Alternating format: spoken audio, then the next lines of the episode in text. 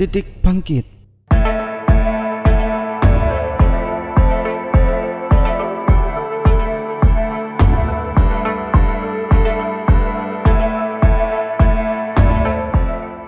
titik terendah dalam dalam saya ngejalanin hidup mungkin ya itu pada saat saya setelah selesai sekolah saya sempat sekitar kurang lebih dua tahun dua tahun itu saya belum dapat kerja nganggur lontang landung aja ke mana-mana sehingga sampai suatu ketika ada seorang kerabat saya itu dia bilang ke saya makanya jangan kau jangan sekolah terus cari duit gitu itu saya kalau kata anak sekarang tuh sakitnya tuh di sini gitu ya. Jadi saya ya ampun begini banget rasanya jadi kita nggak punya penghasilan dan kita bahkan mau makan aja sampai sepertinya malu kita mengambil nasi dari periuknya orang tua. Nah dari situ saya saya mikir masa sih nggak bisa ngapa-ngapain nggak ada cerita nggak bisa gitu kan. Kalau saya lihat ada beberapa orang tua saya kebetulan adalah kendaraan-kendaraan yang nggak bagus-bagus banget gitu ya. Mobil lama gitu ya.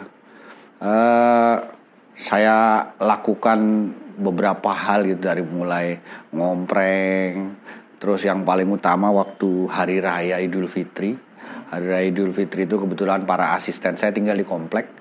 Asisten-asisten rumah tangga di komplek saya itu kan rata-rata pada pulang ke daerah asal. Daerah asalnya karena saya di Jakarta, daerah asalnya di Jawa Tengah gitu. Jawa Timur yang hampir-hampir yang perbatasan Jawa Tengah. Akhirnya saya minta tolong ke asisten rumah tangga kami itu untuk ngelis siapa teman-teman yang mau pulang. Setelah dapat sekitar 7-8 orang itu saya beranikan diri pinjem sama orang tua. Terus saya setirin. Wah, saya ngompreng jadi pokoknya sampai ke satu tempatnya di tempatnya sana saya nggak pulang kalau saya pulang buang bensin maka saya muter-muter di kota itu ya seketemunya saya bisa tidurnya tidur di mobil gitu. Sampai paling kan kalau asisten rumah tangga itu paling 3-4 hari dikasih izinnya. Habis itu nanti saya jemput lagi. Nah, hitungannya uh, hitungannya karena udah di awal hitungannya PP lumayan saya bisa paling nggak saya bisa ya buat uang jajan sendiri saya punya Terus saya kalau di luar dari yang hari raya atau nggak menggunakan mobil, kebetulan saya seneng nyanyi, hmm. nyanyi, eh, main musik gitar, saya piano bisa lah dikit-dikit gitu. Nah saya punya temen eh, teman-teman akrab empat orang dari zaman saya kuliah, yang kebetulan salah satunya ibunya adalah penyanyi bar kafe. Nah, akhirnya kami dikasih referensi masuk ke bar, tapi belum yang bar kelas gede-gede ya kelas rumah makan ngisi-ngisi akustik gitu lah. Bayarannya ya dari kotakan keranjang yang kalau dikasih orang. Kadang-kadang kalau enggak ya dapat makan aja gitu ya, dikasih makan aja. Dari situ terus saya mencoba lagi beberapa hal lain lagi. Ada sih eh, saya lakukan beberapa hal yang intinya cuma satu, saya pengen bisa tidak ngerepotin orang tua. Karena saya malu saya sudah disekolahin, maka udah bukan saatnya lagi saya ngerepotin orang tua gitu. Nah, Uh, yang penting positif. Saya nggak mau yang mengarahnya ke yang negatif. Kalau yang negatif saya hindari sekali. Gitu. Dan akhirnya setelah saya pada posisi sampai saat ini, saya baru mengetahui pelajaran hidupnya. Bahwa pelajaran hidupnya cuma satu sebenarnya. Bahwa kalau kita mau kita kita bisa kok. Jangan pernah nyerah. Gitu. Itu yang titik terendah saya dalam hidup. Itu 2000 saya selesai kuliah 2000 2001 2002. 2001 2002. 2001 2002. Itu benar-benar suatu kondisi yang saya tiap hari itu hanya pagi nganter ibu ke kantor, siang saya jemput. Itu aja. Hmm, jadi habis nganter ibu ke kantor saya pulang. Di rumah saya bingung mau ngapain. Ha, udah nggak ngapa-ngapain kan. Akhirnya saya siang jemput ibu lagi ke kantor, baru pulang lagi sore. Iya. Hanya itu saja kerjaan saya dan itu rasanya nggak enak banget, nggak enak banget.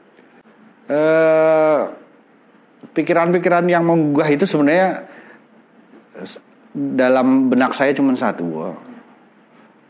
Saya tidak mungkin dilahirkan untuk menjadi kalah eh, Tuhan pasti punya maksud untuk menciptakan saya dan masuknya pasti positif. Maka tinggal bagaimana saya mencarinya, bagaimana kita menemukan uh, jalan apa sih yang sebenarnya diinginkan Tuhan dari saya. Saya punya moto soalnya pak, moto saya tuh uh, kualitas diri saya sangat tergantung dari seberapa besar saya bermanfaat buat orang lain. Itu. Makanya saya selalu cari cara gimana caranya. Why? Ketemu satu nggak bisa juga why. Yang kedua, ketiga. Mungkin sekitar 4 5 baru saya ketemu jawabannya. Udah why tak paling ujung ini oh, berarti ini masalahnya gitu. Pekerjaan yang di mana? Yang di PLN? Terserah. Oh. Sebelumnya. Jadi Pak waktu nganggur, waktu Oh iya, dari terus pas mendapat pekerjaan pertama itu. saya lulus sekolah, lulus kuliah sempat kerja di hotel. Saya saya kerja pertama saya sebagai resepsionis hotel. Hotel sebuah hotel bintang 3 di daerah Jakarta Pusat sana. Enggak, karena waktu itu 98 pas chaos sedang ada krisis kerusuhan. Sebenarnya saya sudah selesai kuliah saya. Saya masuk 95 98 saya, saya selesai. Cuman karena kampus Ya. tidak mengadakan kegiatan pro- eh, belajar mengajar daripada saya nganggur kembali lagi saya paling paling bingung kalau nganggur gitu. Akhirnya saya mencoba melamar sehingga saya kerja.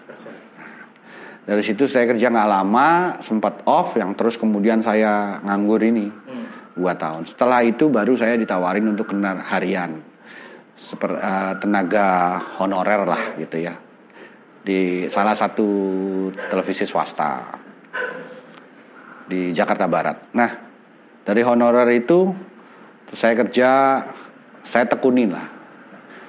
Waktu itu pertama kali saya kerja itu gaji saya 225 ribu. Satu minggu habis. Selebihnya ya saya makan apa yang bisa saya makan kan gitu. Nah dari situ baru saya kerja di stasiun televisi swasta sambil saya mencoba melihat saya sepertinya harus sekolah lagi. Saya mencoba mencari sekolah lagi, melanjutkan pendidikan saya ke pasca sarjana. Dan kebetulan ada satu lembaga pasca sarjana dari PPM, Business School, sekolah bisnis PPM itu yang di Menteng Raya. Itu lembaga manajemen pertama di Indonesia itu. Nah, akhirnya saya mencoba ke sana. Kebetulan ada kolega, ya saya mencari yang pembiayaannya juga bisa diangsur karena saya nggak ada uang. Bersekolahlah saya. Dari sekolah, selesai sekolah, kami ada praktek kerja 2 tahun kan, saat mau akhir. Praktek kerja saya diterima di satu perusahaan airlines untuk praktek kerjanya. Pada saat saya pemaparan tesis untuk S2 saya, selesai pemaparan di luar pintu itu setelah disalami oleh salah satu senior manajernya katakanlah, saya langsung ditawari untuk lanjut. Jadi tidak lagi PKL tapi lanjut dilanjut dengan kerja. Ya, saya bekerja di situ. Mulai saya kerja di situ. Itu saya ngurusi catering untuk penerbangan. Penerbangan baik international flight maupun domestic flight. di bisnis developmentnya. Kerja, kerja, kerja, kerja sampai akhirnya kemudian saya ada lamaran lagi sambil saya tetap melihat uh, kans karena waktu itu posisi belum nikah. Dari salah satu konsultan, konsultan itu menawari saya bekerja di konsultan manajemen. Akhirnya saya berpindah ke konsultan manajemen. Kalau di PLN yang paling berkesan buat saya adalah saya bisa masuk PLN itu saya merasa bersyukur sekali. Karena apa? Saya tahu Indonesia. Kenapa saya tahu Indonesia?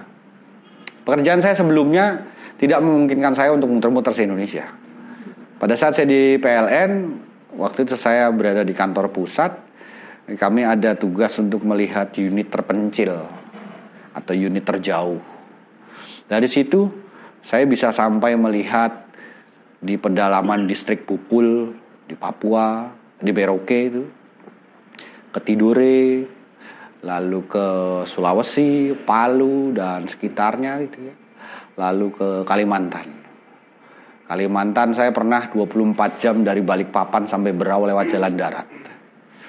Sepanjang jalan itu kita masih waktu itu ya tahun 2014 itu waktu itu saya masih melihat juga banyak daerah-daerah yang mungkin belum menikmati listrik 24 jam. Tapi syukur alhamdulillah sekarang daerah-daerah itu sudah bisa menikmati listrik 24 jam. Uh, itu menjadi berkesan kenapa? Karena saya berangkat dari Jawa. Begitu kita melihat di luar Jawa itu ternyata masih banyak yang daerah-daerah yang tidak seberuntung seperti Jawa. Infrastrukturnya lengkap, listriknya terus ada, kan gitu ya. Segala sesuatunya tersedia. Maka kalau kita kembalikan lagi, kita yang ada di Jawa harusnya kita lebih bisa bersyukur dan bisa memanfaatkan apa yang ada. Itu, itu paling berkesan sekali buat saya. Untungnya sekarang mereka sudah 24 jam dan alhamdulillah saya saya senang artinya cukup terenyuh kami kalau di PLN itu kalau melihat daerah yang tadinya tidak 24 jam jadi 24 jam itu suatu kebanggaan terbesar buat kami kalau di PLN. Kalau saya bilang ya buat rekan-rekan muda para milenial kuncinya cuma satu jangan pernah anda menyerah kalau anda lelah boleh tapi jangan berhenti itu aja. Karena kalau kita nyerah, maka selesai sudah. Nggak perlu kita lakukan, kita sudah kalah. Itu pelajaran yang saya dapat sepanjang saya sampai usia sekarang ya. Saya mengalami banyak hal, cuman satu. Jangan pernah menyerah. Apa pun tantangan yang kalian hadapi dalam kehidupan kalian, kerjaan kalian, jalani. Itu harapan saya. Saya Daniel Stanto, manajer PLN UP3 Pasuruan untuk Titik Bangkit Warta Bromo TV.